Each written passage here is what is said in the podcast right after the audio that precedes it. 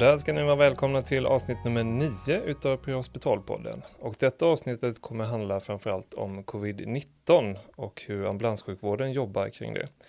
Och som gäst idag har jag med mig Christian Holm som jobbar vid PLE. Välkommen Christian! Stort tack! Kul att få vara här. Verkligen, och eh, ämnet är ju högaktuellt kan man säga. Idag är det ju den tredje, nej förlåt, andra eh, juni och vi är ju mitt uppe i krisen. Ja, absolut. Det här eh, har ju pågått ett tag nu, men eh, det är helt klart så att det här är inte över på långa vägar. Så att eh, absolut, mm. det är mitt i det här. Ja. Lite kort om dig Christian, vad har du för funktion? Ja, Christian Holm som sagt. Eh, jag eh, jobbar på eh, PLE, Sahlgrenska ambulanssjukhuset och PLE står då för prehospital ledningsenhet. Ehm, den har funnits i cirka två år i den funktionen som den är nu. Och jag har jobbat på den sedan vi startade upp den nya enheten kan man väl säga. Mm eh, när vi inte är i covid-tider så att säga, vad, vad har ni för största arbetsområden då? Eh, vårat uppdrag på PLE är väl ganska tvådelat kan man väl säga. Eh, grunduppdraget för eh, PLE det, eh, det handlar om att eh, tillgodose en eh, kvalitativ men kanske framförallt kvantitativ förstärkning vid sjukvårdsledning. Så att eh, det är väl våran huvuduppgift Eh, sen så eh, våran andra uppgift som kanske är minst lika viktig, men eh, som i nuläget inte eh, upptar jättemycket av våran tid, det är väl det som vi kan kalla för katastrofmedicinsk planering, men som har eh, blivit övertaget av eh, hanteringen av covid-19 då kan man väl säga. Mm, jag förstår. Vad, eh, hur har det här ändrats här nu då? Ni sitter mycket förstår jag med att göra behandlingsplaner eller vad är det ni gör här nu i, i dessa tider? Ja, det är väldigt många olika små grejer skulle man kunna säga. Allt från att vara budbil till att Eh, kanske inte skriva rutiner, men framförallt eh, implementera det, de rutinerna som kommer från olika håll, kan man väl säga. Det, det har varit eh, fullt ös här nu i flera månader då, tänker jag. Ja, alltså det här eh, började ju ganska tidigt eh, för ambulanssjukvården. Nästan innan det blev ett stort problem på sjukhuset så började vi märka det här eh, prehospitalt. Och anledningen till det egentligen, det är ju att det sättet vi valde att hantera det här i sjukvården är ju att alla patienter med infektionssymptom och luftvägssymptom blir ju på något sätt misstänkta för att ha covid-19. Och eh, det hände ganska tidigt i, i förloppet. Eh, vilket ledde till att vi var tvungna att hantera väldigt mycket patienter som misstänkt smittade, även om vi initialt hade extremt få egentligen som faktiskt var eh, infekterade med eh, SARS-CoV-2 som viruset heter då. Mm. Eh, vilket också eh, var en eh, problematik initialt här med begreppsförvirringen egentligen. Eh, vi visste ju väldigt lite om det här Eh, om man jämför med idag kan man väl säga. Mm. Kommer du ihåg liksom när det började dra igång på, på allvar så att säga, när ni kände att nu blir det en belastning för oss det här? Ja, jag kommer ihåg det väldigt tydligt för att jag tog emot Eh, ett av de absolut första samtalen som, eh, som kom till oss eh, från en besättning som hade en misstänkt patient. Då.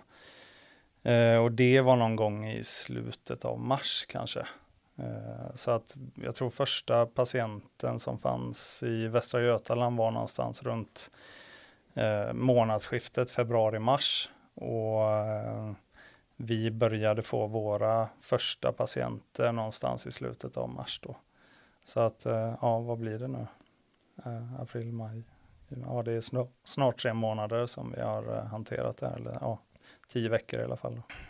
Vi visste inte exakt då hur stort det kommer att bli och det tror jag ingår lite i problematiken för att det är svårt att föreställa sig någonting som man inte har varit med om tidigare. Det var väl någon sorts, inte rädsla, men alltså spänning på något sätt att ja, men nu drar det igång. Liksom. Mm. Och um, vi insåg ganska tidigt där att vi för att kunna hantera det här på något sätt och se eh, hur, hur det här utvecklar sig så fick vi ganska tidigt eh, i våran roll på PLE någon sorts eh, samordningsfunktion där vi samlade in info kring de körningarna som eh, eh, handlade om misstänkta eh, covid-ärenden för att kunna ge den informationen vidare till eh, våran ledning då. Så att de har någonting att, att jobba med. Alltså vad, för att eh, initialt var det väldigt svårt att veta eh, hur det här såg ut för våran verksamhet. Då. Och hur snabbt det skulle växa eller man ska säga. Hur såg det ut med eh, organisationen bakom er så att säga, alltså chefer och sånt där? Hur, vilka åtgärder tog man när det här började dra igång? Det första som hände egentligen, det var ju att man insåg att eh, det här kommer att bli ganska utdraget. Det är ingenting som kommer att försvinna över dagen. Så att Eh, en av de första åtgärderna var att inventera vad, hur mycket skyddsutrustning har vi på, på våra lager eh, och hur, hur länge räcker det liksom. Eh, för vi insåg ganska snabbt att vi behöver vara restriktiva med vår användning av skyddsutrustning. Då. Så det var väl en av de absolut eh, första eh, åtgärderna kanske som, som vi tog. Då. Någonstans här så insåg vi också att det här är någonting som vi aldrig har varit med om tidigare och som vi inte har kanske fullständig kunskap om. Så att vi behöver eh, inhämta kunskap kring det här. Så att det var väl några av de eh, första eh, åtgärderna kan man väl säga. Inventera skyddsutrustning och eh, försöka söka mer kunskap kring det här. Hur såg det ut där då just med skyddsutrustningen? Hade ni ändå så ni kände att ni skulle klara er ett tag eller var det? Ja, men lite som eh, bakgrund till det så jag hörde någon siffra ungefär e-, efter en månad in i eh, epidemin här så eh, var det någon som sa att eh, i vanliga fall så använder vi kanske en miljon handskar eh, i eh, VGR per vecka. Och bara efter en månad så var det dubblerat, alltså att vi använde två miljoner handskar.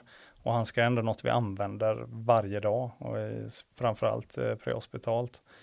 Så det säger ju lite grann om hur mycket eh, skyddsutrustning det faktiskt går eh, för att vårda de här patienterna. Och vi eh, Alltså vårat lager av, av allting är ganska litet idag. Det är ju så det ser ut i samhället idag, både av läkemedel, förbrukningsmaterial, eh, skyddsutrustning och egentligen allting. Så att eh,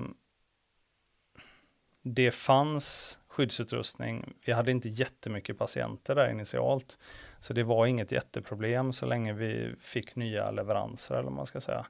Och eh, det har all, vi har aldrig hamnat i en situation där vi inte har haft någon skyddsutrustning. Eh, det har funnits andra problem kring det, men, eh, men inte att vi har stått eh, helt utan. Då.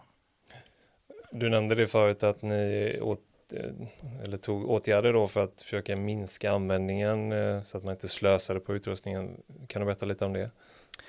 Ja, alltså det vi gjorde var att vi eh, helt enkelt inventerade allt vi hade. Alltså vi eh, tittade, räknade exakt vad har vi i våra olika lager på sjukhusen. Eh, exakt vad finns det i våra ambulanser idag? Eh, förhoppningsvis tänkte vi att det kanske fanns eh, lite extra, alltså, och det, det gjorde det också. Alltså det är väl eh, vi är ju ganska bra på att se till att vi har ordentligt med grejer i ambulansen och det var ju tack och lov här faktiskt. Så att det gjorde ju att vi faktiskt hade ett ganska bra lager eh, redan initialt. Eh, det vi gjorde sen var ju att vi eh, bestämde oss för eh, en, en grund för vilken skyddsnivå ska vi ha för de här patienterna eh, i dialog med vårdhygien och vi har också en person på PLE som eh, har extra, eller extra expertkunskaper kring CBRNE eh, och extra utbildningar kring det. Och tillsammans med honom och våra, våran ledning då som är ytterst ansvariga för eh, våran arbetsmiljö eh, så satte vi en skyddsnivå initialt eh, som, som gällde för vården av de här patienterna. Då. Och sen så delade vi tillbaks det här till ambulanserna kan man väl säga eh, tillsammans med en instruktion, eh, en initial instruktion för hur man skulle hantera det här och hur man skulle klä på sig och hur man skulle klä av sig. Och för att mm, även om det här är i stort handlar om basala vårdhygiener så är det kanske inte någonting som vi gör så ofta i vardagen. Vi är inte så jättevana i ambulansen att jobba med den här typen av patienter. Så av den anledningen så insåg vi att vi behöver nog vara ganska tydliga med våra instruktioner och vi behöver förmedla ut den här kunskapen. Och sen så gjorde vi oss själva till en budbil då, lite grann som jag sa tidigare där. Och det var helt enkelt för att hålla på det här eh, förrådet eh, kring eh, skyddsutrustningen. Så då gjorde vi helt enkelt så att när någon hade använt skyddsutrustning så fick de ringa till oss och så fick de ny skyddsutrustning.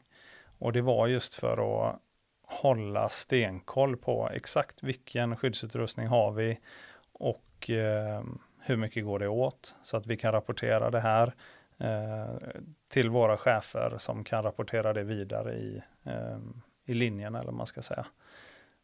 Och sen så, och så här har det hanterats egentligen på hela sjukhuset just för att någon ska sitta med en bra lägesbild på vad som finns tillgängligt för hela sjukhuset egentligen och kunna omfördela den här utrustningen.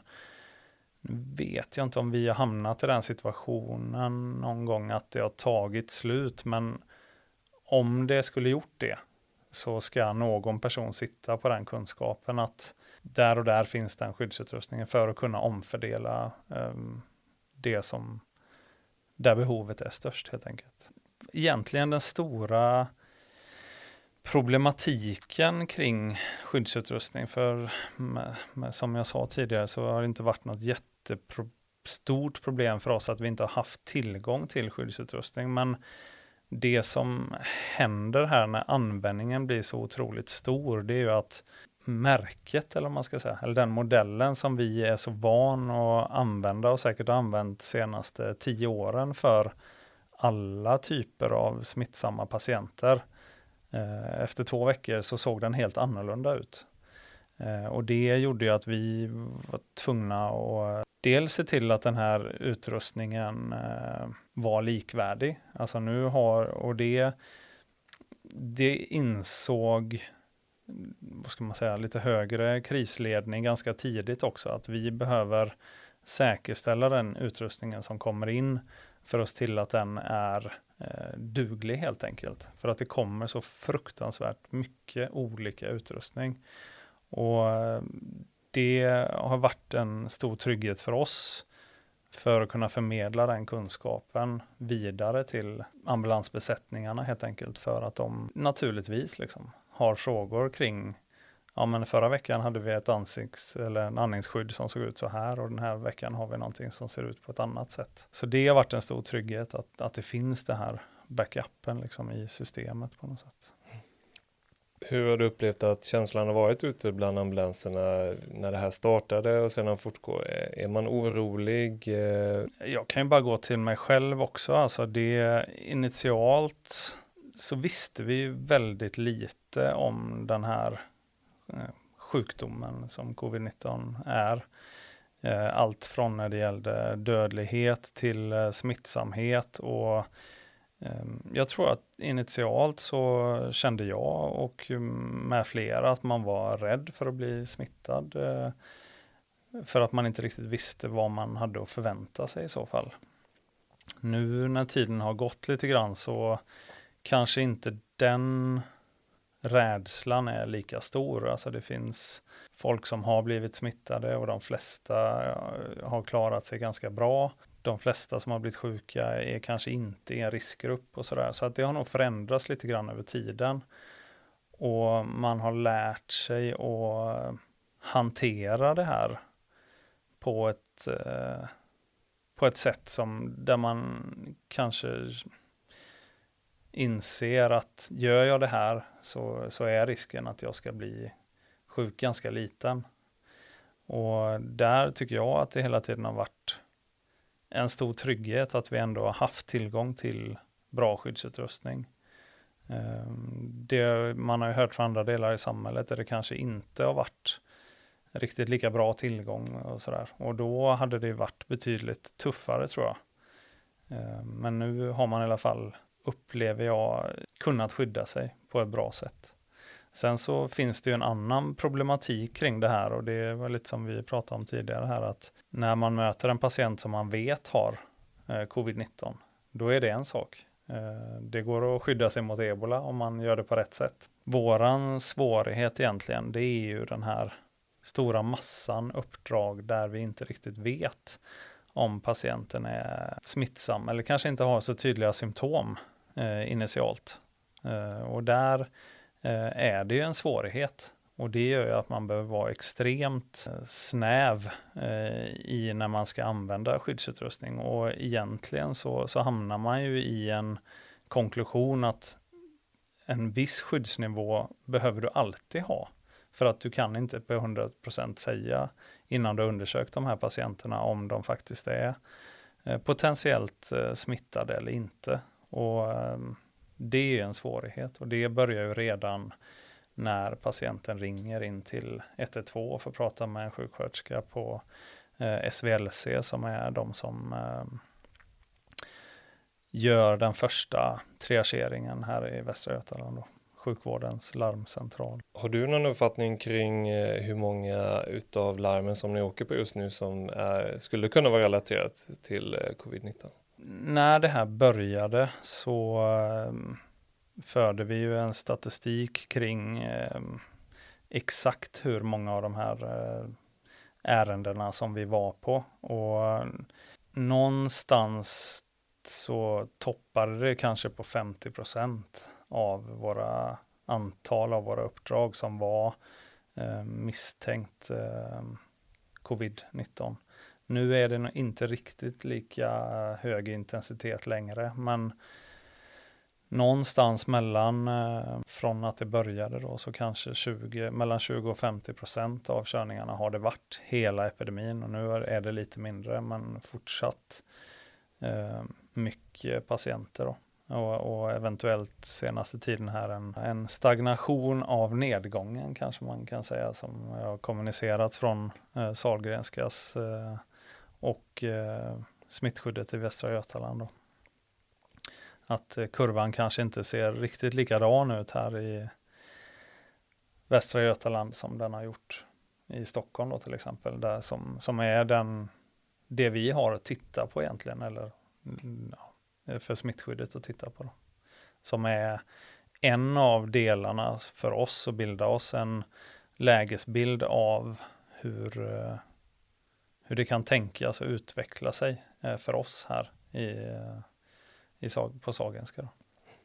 Vad innebär det här då att det, man har sett en liten eh, stagnation som du säger i nedgången, man ser en liten uppåtgång här nu igen. Eh, de nämnde det på tv här nu för några dagar sedan. Ja, precis. Hur, hur påverkar det sjukvårdens eh, framförhållning och så?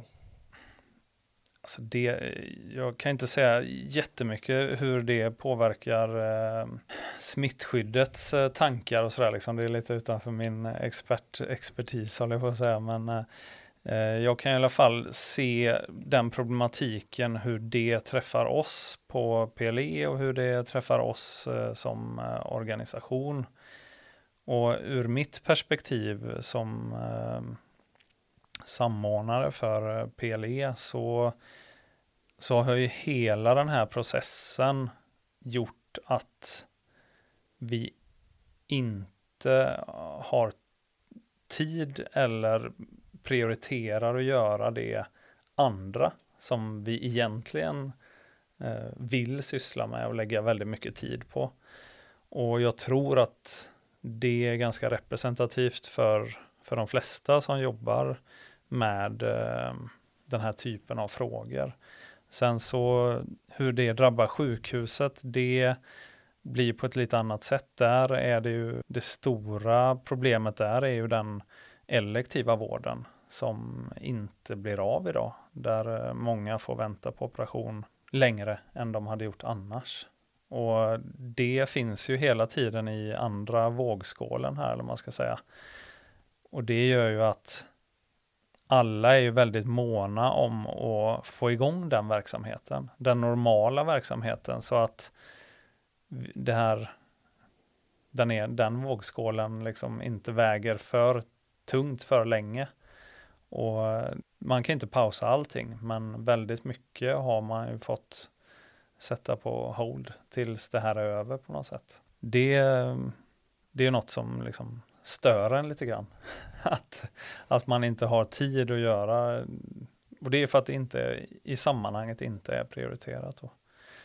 Så att den här eh, biten som eh, för PLE då handlar om katastrofmedicinsk eh, beredskap och, och de bitarna är ju någonting som vi har fått sätta på paus nu egentligen för att hantera det här fullt ut. Och det är helt rimligt.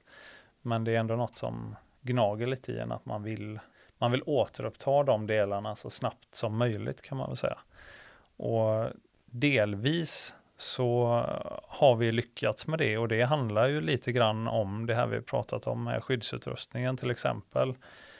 Där eh, initialt var väldigt, väldigt mycket manuell hantering och varje ambulans som använde utrustningen skulle ringa och för att få ny utrustning. Eh, idag ser ju inte den situationen eh, ut på samma sätt. Då. Så det gör ju att vi har betydligt mer tid, kanske eh, fel ord, men mer fokus och kan prioritera lite grann på ett annat sätt. Då, så att vi i alla fall kan göra de sakerna som inte kan vänta lika länge. Då. Hur ser det ut en, en vanlig dag hos er nu? Liksom? Hur, har ni mycket möten förstår jag, man måste ju stämma av kontinuerligt. Eh, vad, vad är fokus för er just nu?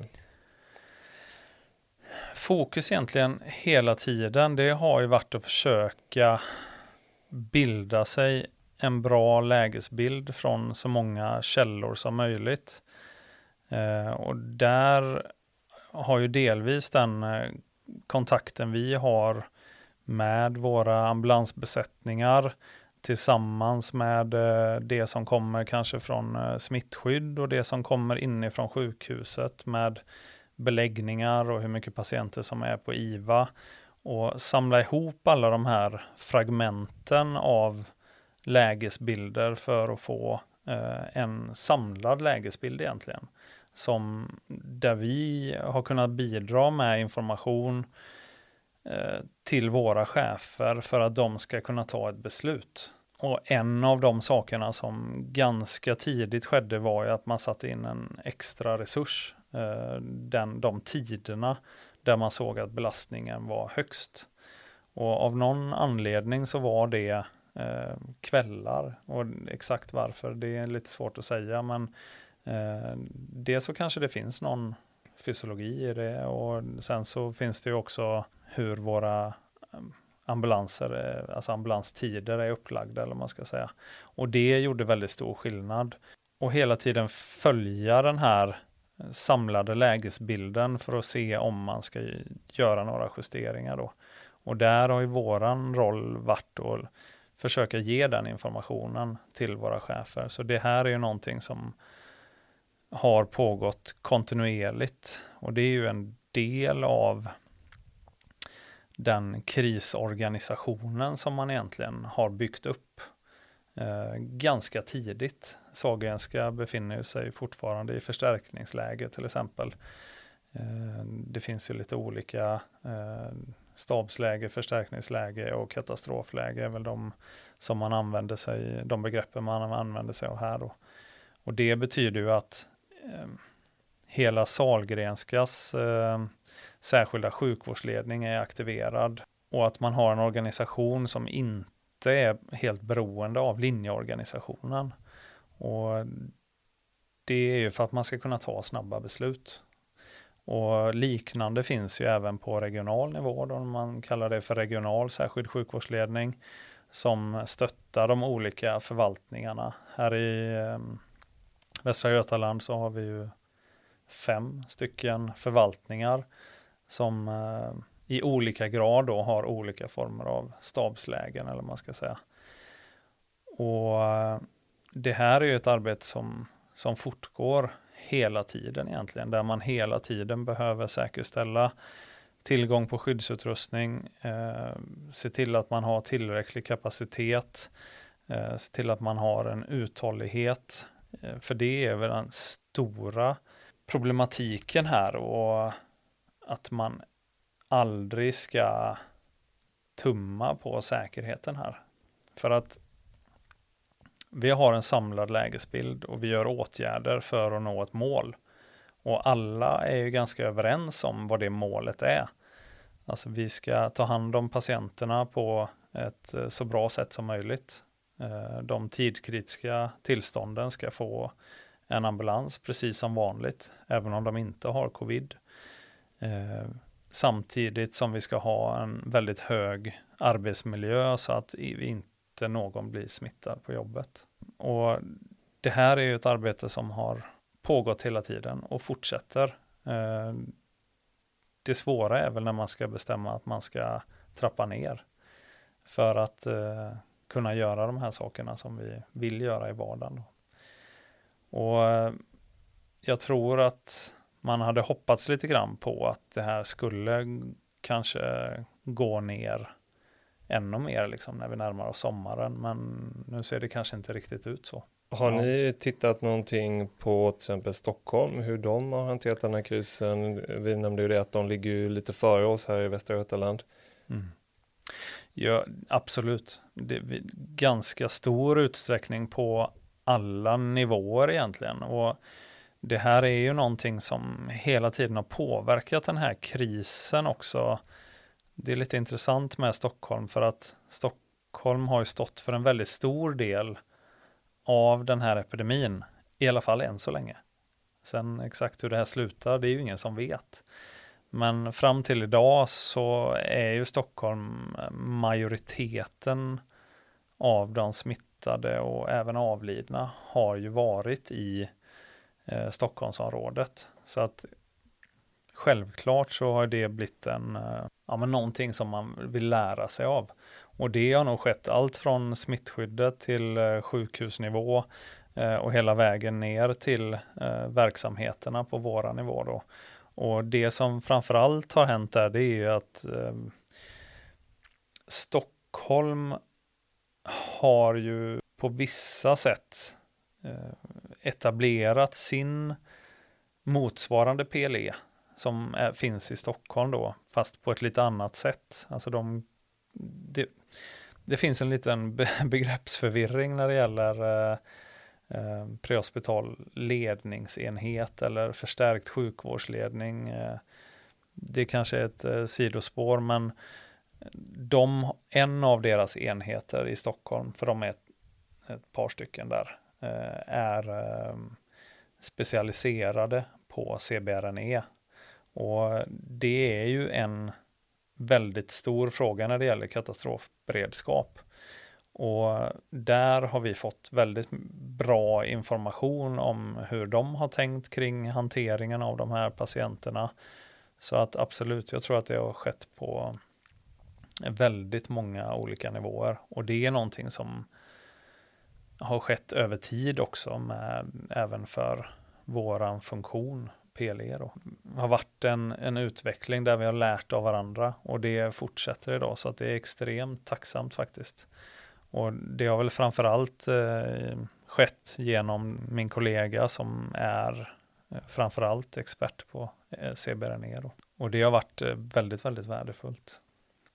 Så att vi har kunnat stämma av våra rutiner på ett bra sätt med dem och se, liksom, ligger vi rätt i det här? Alltså gör vi rätt eh, åtgärder?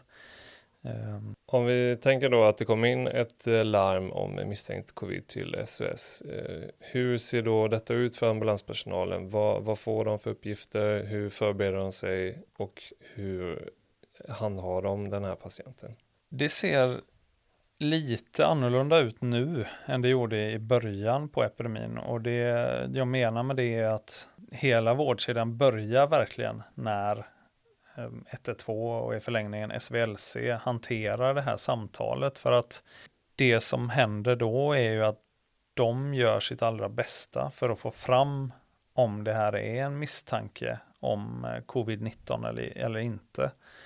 Eh, och de har ju också under tid, alltså under epidemins förlopp här skruvat på sina riktlinjer. Och eh, idag så är det en standardfråga till alla som eh, har kontakt med SVLC. Att har, du, har du några symptom där så försöker de att hitta det. Och därav så när du får ett ärende i ambulansen så, så ska den första bedömningen om det här har varit, eh, finns en misstanke eller inte, eh, stå i utlarmningen då. Eh, och det har idag formaliserats så att det ska vara en del av SBAR då, som är det systemet som vi använder för att eh, överrapportera egentligen hela vägen från SVLC och in på sjukhuset. När det här började och vi inte visste jättemycket om den här sjukdomen så var ambitionen att man skulle försöka initialt hantera så mycket som möjligt av det här eh, inte i slutenvården utan eh, 1177 till exempel fick en stor eh, ansvar för att hantera de här samtalen. Det som visar sig lite senare i den här epidemin det är ju att det är svårt att veta hur den här sjukdomen utvecklar sig. Och därav så när vi har lärt oss av den här epidemin så eh, har också våra rutiner eh, ändrats lite grann och därför så ändrades till exempel RETS då som är vårat eh, triagesystem Eh, där det visade sig ganska tidigt att de målvärdena som finns i rätts kanske var lite problematiska och då kom det lite nya riktlinjer från eh, våra regionala samverkansparter som anammades av de flesta förvaltningar. Eh, för att ha en lite säkerhetsmarginal med de här patienterna. Och därav så hanteras nu Ehm, kanske lite färre patienter hos 1177 och vi kanske träffar lite fler av de här patienterna. Det som också visade sig efter ett tag här, där det kom lite input från eh, olika ställen, både internationellt och nationellt, eh, det var ju att även friska människor eh, kan bli ganska hårt drabbade och att de kan desaturera sig och gå ner i syreupptagning eh, vid ansträngning till exempel. Och därför så blev ju det här med ansträngningstest eh, ett, ett verktyg för oss och försöka identifiera vilka av de här patienterna som kanske är i behov av sjukhusvård och inte. Och det som vi också har Ehm, skruvat på här under epidemin, det är den här, eh, det vi kallar för kontakt med HMK, alltså högre medicinsk kompetens. Att vi eh, kontaktar en eh, läkare som kan hjälpa oss i bedömningen av patienten och avgöra eh, om patienten behöver slutenvård eller om de behöver komma i kontakt med primärvården eller om de behöver uppföljning genom ett mobilt öppenvårdsteam till exempel. Så att eh, det här är någonting som har förändrats lite över tid och som har blivit mer av att man har mer beslutsunderlag för de här patienterna prehospitalt. Och det tror jag är en sak som kommer att bli mer i framtiden. Alltså att vi har mer kontakt med um, slutenvården kring patienterna.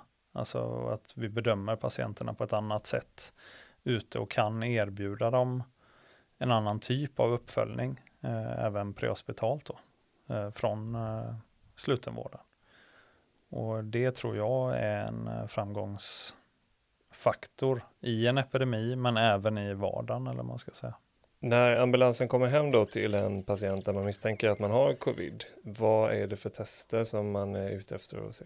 Till en början med där så gäller det ju att tänka kring sin eh, egen arbetsmiljö och klä sig i skyddsutrustning eh, redan innan man träffar patienten. Och eh, det går ju bra de gångerna där man har en patient som kanske inte är kritisk.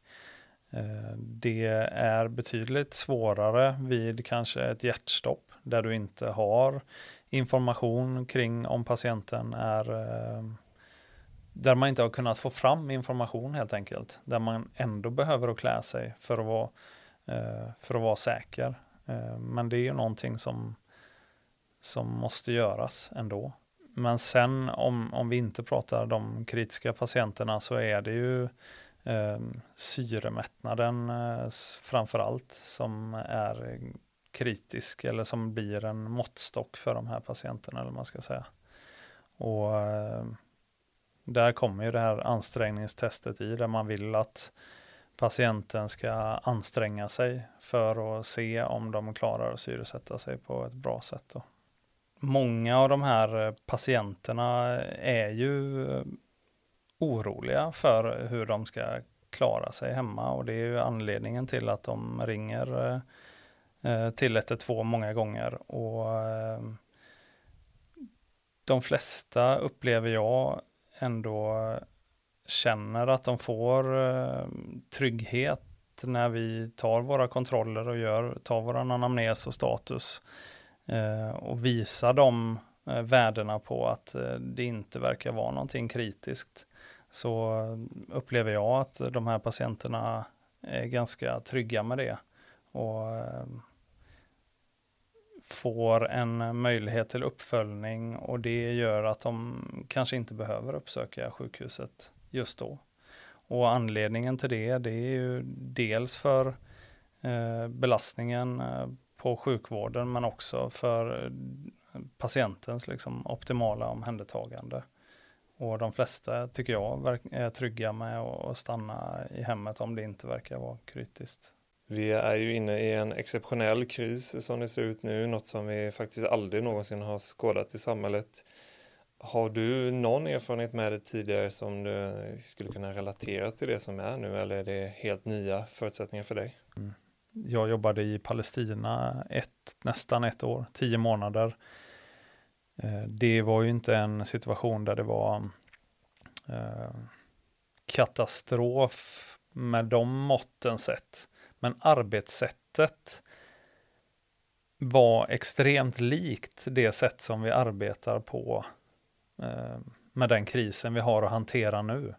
Och det är just det skill stora skillnaden i det, vad jag upplever i alla fall, det är att i vanliga fall när man ska ta ett beslut så analyserar man den informationen man har, tar ett beslut och så är det så på något sätt.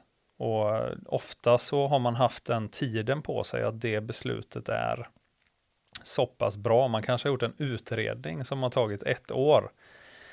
När det är kris så har man inte den tiden. Och tar man sig den tiden då får man problem. Så det vet inte riktigt vem det var som sa det, men det var, jag tror att det var en, eh, någon som var kopplad till WHO och han sa att eh, när det gäller kriser så är perfect is the problem. Alltså man vill göra någonting perfekt och det gör att det tar för lång tid. Eh, och det är det de här krisorganisationerna är till för egentligen. I civilt så är vi väldigt ovana att använda dem. Jag har nog inte varit med om att man har aktiverat regional särskild sjukvårdsledning och lokal särskild sjukvårdsledning under någon större tid eh, under de tio åren jag har jobbat i ambulanssjukvården i Göteborg eller de här senaste två åren på PLE. Då, så att vi är ganska ovana och jobba i den miljön kan man väl säga i stort. Eh, när det gäller eh, militära organisationer så är ju de betydligt nu är inte MSB en militär organisation, men de har ju anammat det arbetssättet för att hantera en kris. Och den stora skillnaden egentligen, det är att man får agera först, analysera sen för att kanske skruva eh, på det här för att det ska bli bättre. Så att det påminner mig ganska mycket om det arbetet som jag hade när jag jobbade i Palestina faktiskt. Eh, som var krishantering, eh, fast ur ett fredsbevarande perspektiv. Då. Sen så är det, det är ingen jämförelse mellan Sverige och Palestina på, på något sätt, men det påminner mig om det, det arbetssättet. Och jag, mm, det är väl också någonting som man faktiskt kan eh, verkligen rekommendera att man gör, jobbar med en organisation som inte är exakt som sin egen någon gång under sin karriär. För att jag upplever att jag lärde mig väldigt mycket kring och hantera olika typer av problem och kanske framförallt vilka strider man ska ta.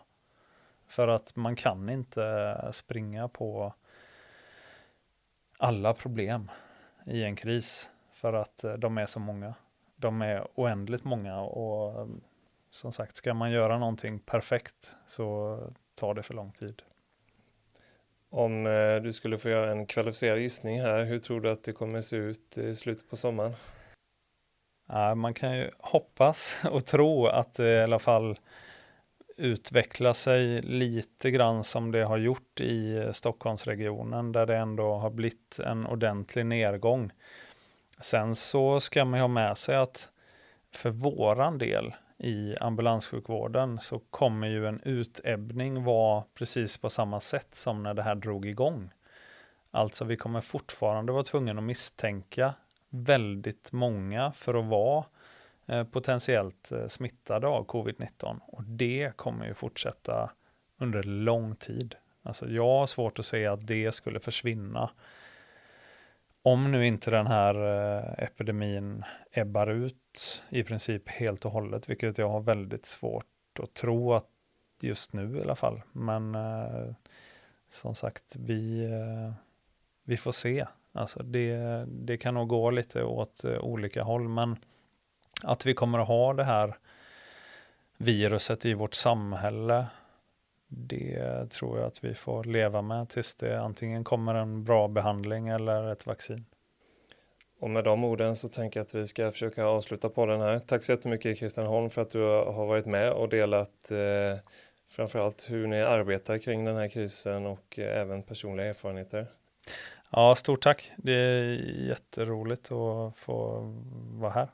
Tycker att det är en jätteviktig eh, funktion att låta folk komma till tals kring de här uh, sakerna. Alltså de här personerna du har, har med i din podd. Det fyller ett väldigt stort, uh, ett litet vakuum faktiskt, tror, tycker jag, som uh, tar fram vårat ämne på ett bra sätt. Det ser jag som ett gott omdöme. Så tack så mycket för de orden och så syns vi när vi syns. Det gör vi. Tack så mycket. Tack, hej.